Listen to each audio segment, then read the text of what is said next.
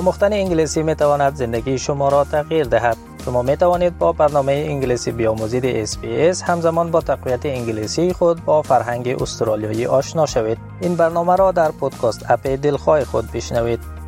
شما با پروگرام دری رادیوی SBS هستید.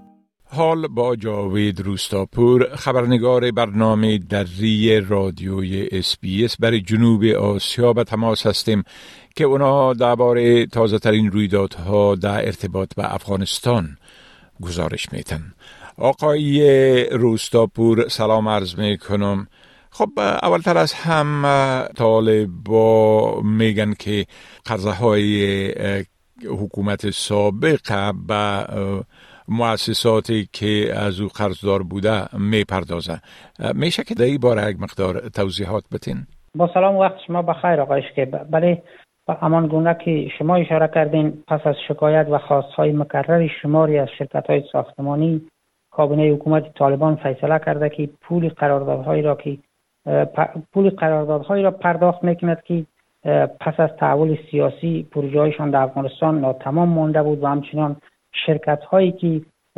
با وزارت های مختلف در افغانستان قرارداد داشتند. وزارت مالیه حکومت طالبان با نشر اعلامیه گفته است که این پول پس از تثبیت به شرکت ها و نهادهای غیر دولتی که دولت به کار از پرداخت خواهد شد. طالبان گفتند که مسئولان بیشتر شرکت ها با حکومت گذشته قرارداد داشتند و حقوقشان برای آنها پرداخت نشده بود. و پس از درخواست مسئولان این شرکت به هدف تکمیل شدن پروژه های عامل منفیه این پول برشان پرداخت خواهد شد.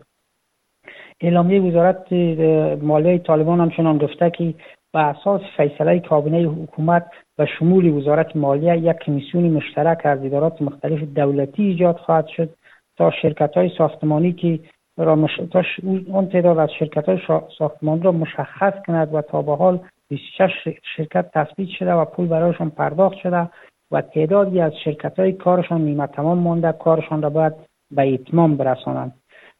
در این حال مسئولان شماری از شرکت ها و همچنان اتحادیه شرکت های ساختمانی از این اقدام حکومت طالبا استقبال کردند و گفتند که آنها در این مورد نشست های مکرری با مقام های طالبان داشتند در حالی است که گزارش هایی که قبلا نشر شده بود نشان می‌دهد که بیش از سه میلیارد دلار آمریکایی حکومت قبلی از شرکت ها و مؤسسات خصوصی قرضدار بوده و این پول ها باید پرداخته شود که نزدیک به چهل درصد از بودجه افغانستان که منجمید است آوازه و گزارش های بود که اختصاص داده میشه به قرض های شرکت های خصوصی. ولی که طالبان تا این پول را چقدر تواناییش دارن که خواهند پرداخت برخی از آگاهان گفتن که زمان پرداخت پول و شرکت های خصوصی شاید سالها زمان ببرد. بله خب در مورد اظهارات سرپرست وزارت دفاع طالب در مورد ای که تخریب کاران مرتبط به داعش از پاکستان و تاجیکستان به افغانستان میاین و تخریب کاری می‌کنن منجر به عکس های شده بله؟ بله یعقوب مجاهد سرپرست وزارت دفاع و رئیس کمیسیون امور امنیتی طالبان گفته که شهروندان تاجیکستانی و پاکستانی در حملات داعش بر مساجد خانقاه ها عالمان دین و همچنان مکانهای عمومی در یک سال گذشته دست داشتند. او در یک کنفرانس خبری تاکید کرد که اونا بررسی های خود را دارند و از کشورهای همسایه به ویژه تاجیکستان و پاکستان می‌خواهند که جلوی افرادی را که در گروه تروریستی شامل هستند بگیرند. اما این اظهارات او با واکنش های جدی مواجه شد از جمله شماری از کاربران شبکه های اجتماعی اظهارات شنی بود که گروه های متعددی تروریستی در افغانستان آزادانه با ویژه در افغانستان فعالیت دارند و طالبان گویا به مردم راست نمی‌گویند و صادق نیستند که اینا با این گروه ها مبارزه می‌کنند.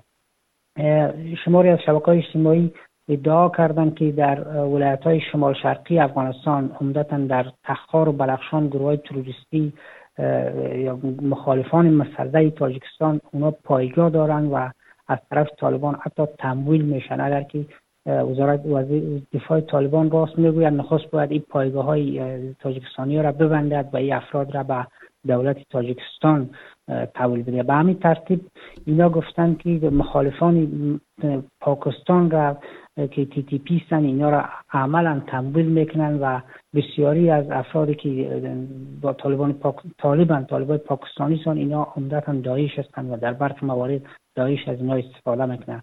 بنابراین طالبان در این اظهاراتشون صادق نیستند.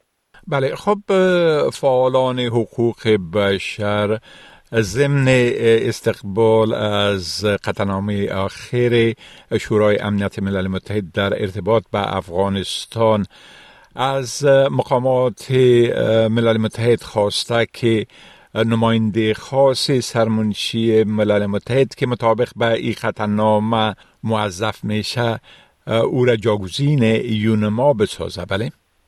بله در ادامه واکنش ها به قطعنامه شورای امنیت سازمان ملل در مورد نحوه تعامل با طالبان و تعیین یک نماینده ویژه برای افغانستان شماری از فعالان حقوق بشر زنان معترض و چهره های سیاسی دیدگاهشان را مطرح کردند و از جمله اتحادیه فعالان حقوق بشر با نشر اعلامیه دیدگاه بیش از 200 فعال حقوق بشر و نهادهای مدنی را گردآوری کرده و گفته که تعیین نماینده ویژه عمومی ملل متحد در چارچوب یک مکانیزم و با صلاحیت های ارزیابی و اجرایی شده این سازمان برای افغانستان یک نیاز عاجل و مهم است.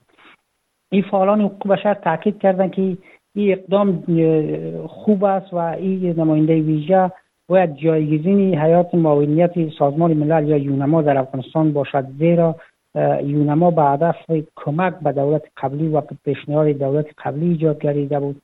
اما افغانستان اکنون فاقد یک دولت مشروع و رسمی است. به باور اعضای اتحادیه فعالان بشر عملکرد یونما طی دو سال اخیر برای فعالان بشر نگران کننده بوده و در برخی موارد شکایت های را برانگیخته که به نوع جانبداری از گروه طالبان این نهاد کارایی کرده. این در حالی است که وزارت خارجه حکومت طالبان گفته است که تعیین نماینده اضافی برای افغانستان در حضور فعال دفتر, دفتر اونما در هیچ نیاز نیست و یک اقدام غیر ضروری است.